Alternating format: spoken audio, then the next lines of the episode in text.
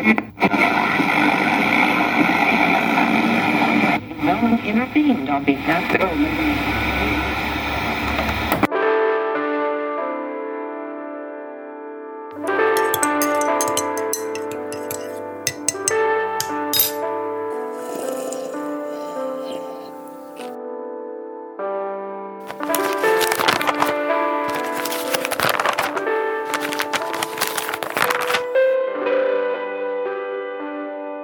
En eldre herre sitter i støva.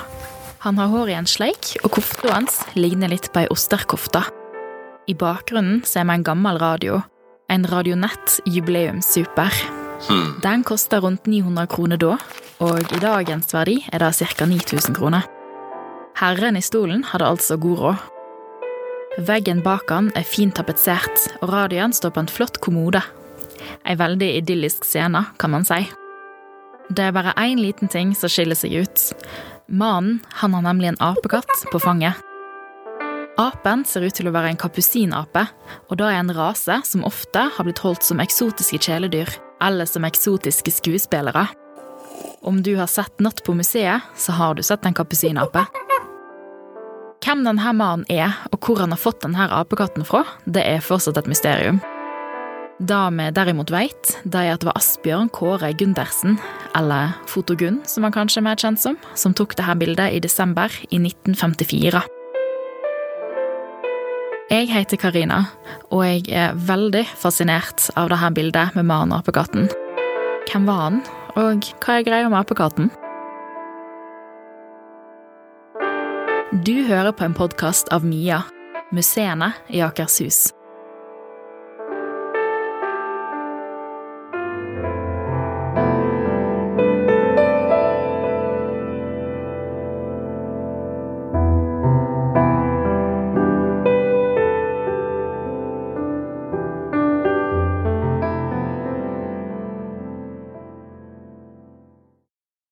Veldig hyggelig mann. Alltid veldig blid og, og forekommende.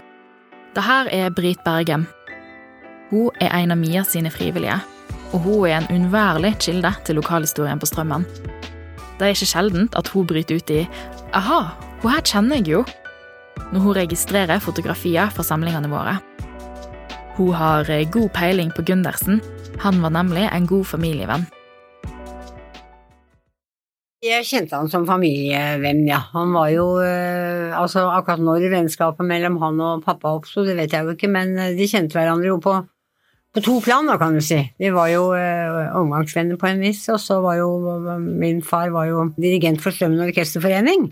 Og der var jo Gundersen eh, konsertmester, som faktisk en veldig dyktig fiolinist. Så, og de spilte mye sammen på orkesteret var hjemme og øvde. Og, så det var jeg veldig vant til fra jeg var ganske liten. og satt inne i stua om kvelden og ikke jeg fikk sove. og spilte trio. Når samlingen til Gundersen kom til Mia i 2003, så var det Brit som først registrerte alle fotonegativene hans. Hun tok utgangspunkt i et par lange, smale loggbøker som Gundersen brukte til å helte oversikt over fotografiene han tok.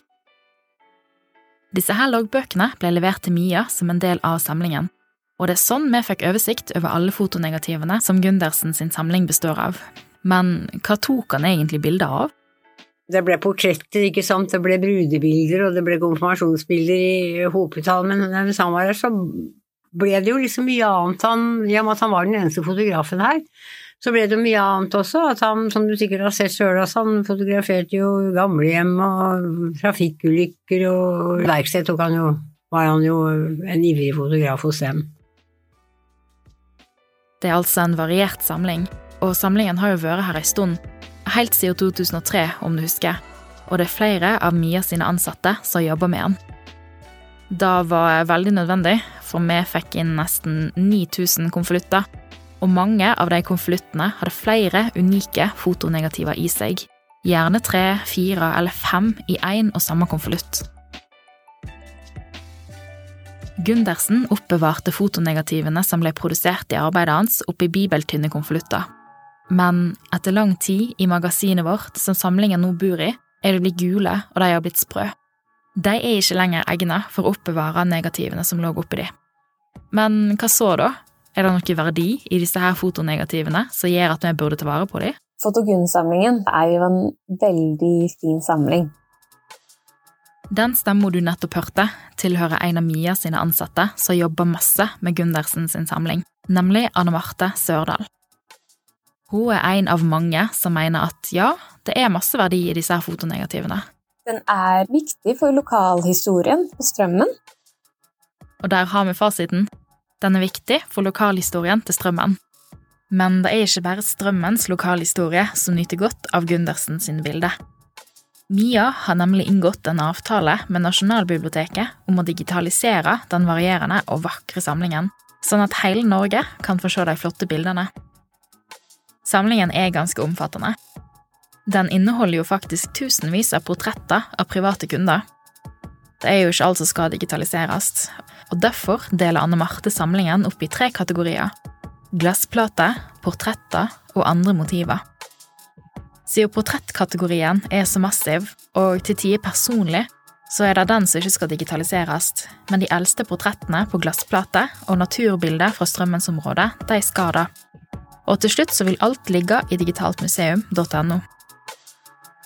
Anne Marte holdt altså på med å gjøre klar glassplatene og fotonegativene, sånn at når de blir sendt til Nasjonalbiblioteket, så kan kollegaene våre der enkelt digitalisere fotonegativene. Til slutt så skal samlingen hjem til Strømmen, hjem til Mia. Dette samarbeidet det er et pilotprosjekt mellom Mia og Nasjonalbiblioteket. Og vi er en av de første museene i Norge som har et sånt her digitaliseringsprosjekt i lag med Nasjonalbiblioteket. Det er stas for oss. Og Anne Marte sitt arbeid med å sortere og omemballere det er viktig for at digitaliseringsprosessen skal bli så ryddig og effektiv som mulig. I et arkiv er en av hovedoppgavene å passe på at de fotografiene som blir tatt inn, skal helte seg fine lengst mulig. Syrefritt papir og syrefrie konvolutter er en nøkkelfaktor når det kommer til bevaring av fotografier og negativer.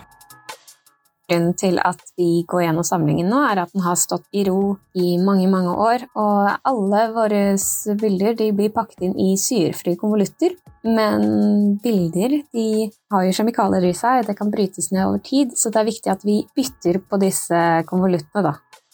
Noen valg som kan bli tatt i en prosess, er å separere enkelte bilder hvis de er veldig skadet, eventuelt endre innpakning. Av og til så er det ikke nok å bare endre en konvolutt. Kanskje vi bør pakke den i silkepapir, kanskje vi bør gi den med plass. Og så kan man også komme fram til at kanskje man bør fryse ned fotografiet for å bevare det. Det er mange måter å holde på med bevaring av disse fotografiene. Dessverre er ikke omemballeringsprosessen alltid like enkel. Det vi også har oppdaget i denne samlingen, er at noen deler har blitt infisert med eddingsyndrom. Det som kan skje, er at fotografiet blir skadet mer og mer over tid, og til slutt så er fotografiet ødelagt. Vi kan ikke se det lenger. Man kan si at det er en nedbrytning av fotografiet. Men det som er også veldig dumt med eddingsyndromet, er at det smitter over til andre fotografier. Derfor har det vært viktig nå at vi har gått nøye gjennom denne samlingen og fått eh, separert og pakket inn de bildene som er infisert med eddiksyndromet, slik at det ikke smitter videre i samlingen. Syrefrie konvolutter, ekstra lag med silkepapir for avstand, isolering Det er nesten som om Gundersen sin samling har de samme behovene som Gundersen sjøl ville hatt. Blir man sjuk, så passer man på å ta vare på seg sjøl, og man prøver så godt man kan å ikke smitte andre. Men eh, om en skal tro Brit, så var det vanskelig å unngå å bli smitta av Gundersen sitt gode humør og engasjement for sine medstrømlinger.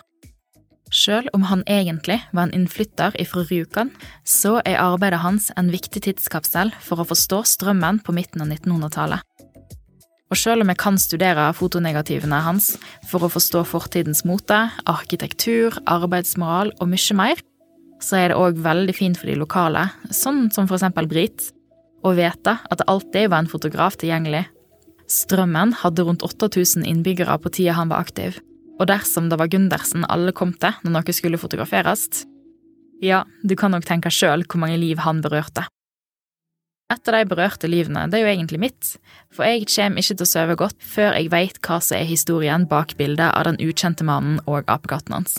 Sjøl etter grundig undersøkelse og et håpefullt spørsmål til Brit, så er det egentlig bare én setning som kan oppsummere hva som er greia med dette bildet.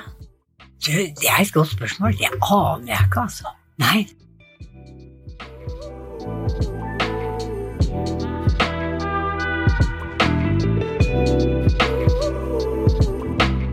Du har hørt på en podkast av Mia, museene i Akershus.